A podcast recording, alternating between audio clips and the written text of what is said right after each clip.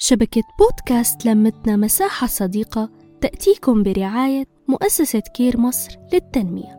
مرحبا أعزائي المستمعين. رجعت لكم أنا آلاء بحلقة جديدة من بودكاست قبل أن تتزوجي.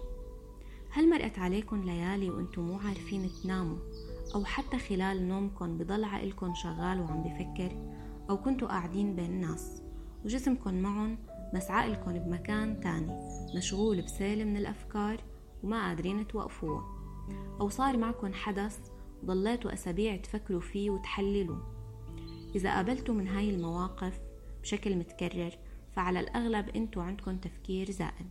وهو تكرار الفكرة نفسها لحد مزعج على الدماغ وغصبا عن الإنسان وبرافقها بالغالب مشاعر خوف وغضب.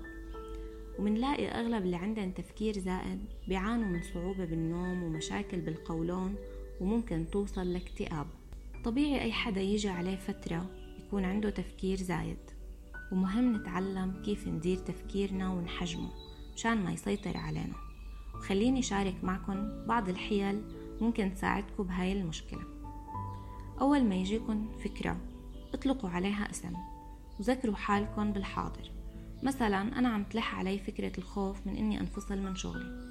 بطلق على هاي الفكرة اسم مثلا زيرو. وبخاطب عقلي بقول يا زيرو أنت مو وقتك هلأ. أنا عم بشرب قهوة عم باكل الاكل اللي بحبه. بدي أستمتع. مهم نضل ناخد نفس عميق ونطلعه لما تهاجمنا أفكار سلبية.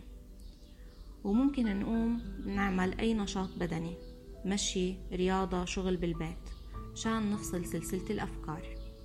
وما ننسى أهمية الكتابة.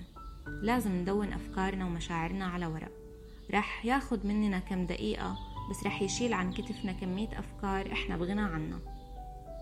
وهيك أعزائي وصلنا لنهاية الحلقة. وبلاقيكم بحلقة جديدة ومع السلامة. نحكي نتشارك نتواصل.